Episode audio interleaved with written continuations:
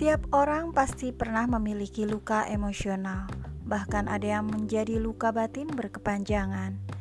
Tapi di pihak lain, ada yang bisa memilih untuk tidak menjadi terhambat karena luka-luka tersebut. Bagaimana kok bisa? Lalu, dengan cara apa ya dia bisa lalui luka hati itu?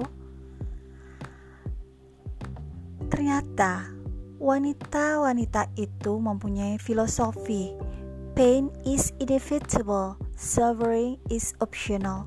Rasa sakit tidak bisa dihindari, sedangkan menderita adalah sebuah pilihan.